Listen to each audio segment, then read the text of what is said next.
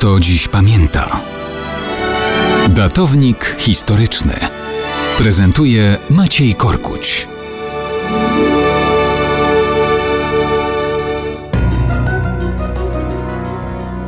Mało kto dziś pamięta o tym, że wielka historia to także suma milionów malutkich, indywidualnych historii zwyczajnych ludzi, takich jak ja czy większość z Państwa.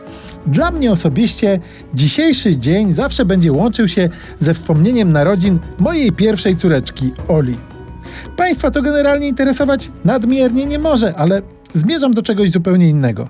Celebrując nasze urodziny, zbyt mocno pamiętamy tylko o sobie, a za mało o naszych matkach. Dla nich Dzień Narodzin Potomka jest szczęśliwym, choć niełatwym przecież podsumowaniem wielomiesięcznego wysiłku na rzecz zdrowia dziecka i udanego porodu. Stąd uważam, że dzień naszych urodzin zawsze powinien być trochę mniej egocentryczny. Warto, aby był przy okazji dodatkowym, zindywidualizowanym dniem naszej matki. I to my powinniśmy w nasze urodziny pamiętać o naszych matkach, które wydały nas na świat wielkiej historii i naszych małych historii. Tak więc 5 grudnia możemy wspominać w pierwszym rzędzie Marię Zbillewiczów-Piłsudską, a dopiero w drugiej kolejności jej urodzone wówczas dziecię, któremu nadano imię Józef.